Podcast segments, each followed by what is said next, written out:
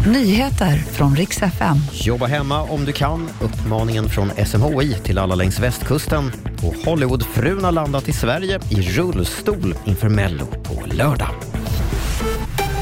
God morgon. Vi ska börja i vårt grannland Finland som nu har fått en ny president. Samlingspartiets ledare, finlandssvenska Alexander Stubb, vann till slut valet igår i en väldigt jämn kamp mot utmanaren Pekka Haavisto. Mitt livs största ära, kommenterade Stubb segern medan Haavisto gratulerade och sa att landet har fått en bra och kunnig president. Sverige nu för du som bor i Göteborgsområdet och hade tänkt ta bilen idag. Låt den stå och jobba hemma istället om du kan. Det är uppmaningen från SMHI som flaggar för en dag med mycket halt väglag och begränsad framkomlighet. En orange varning finns utfärdad för plötslig ishalka mellan Lysekil, Uddevalla och ner till Kungsbacka. Senare idag varnas det också för stora mängder snö i stora delar av Värmland och Dalsland.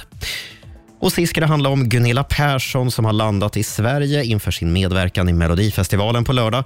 Hon kom till Arlanda i rullstol, berättar hon i Nyhetsmorgon. Och detta då efter att ha tillbringat fyra dagar på sjukhus hemma i Los Angeles med någon slags akut yrsel.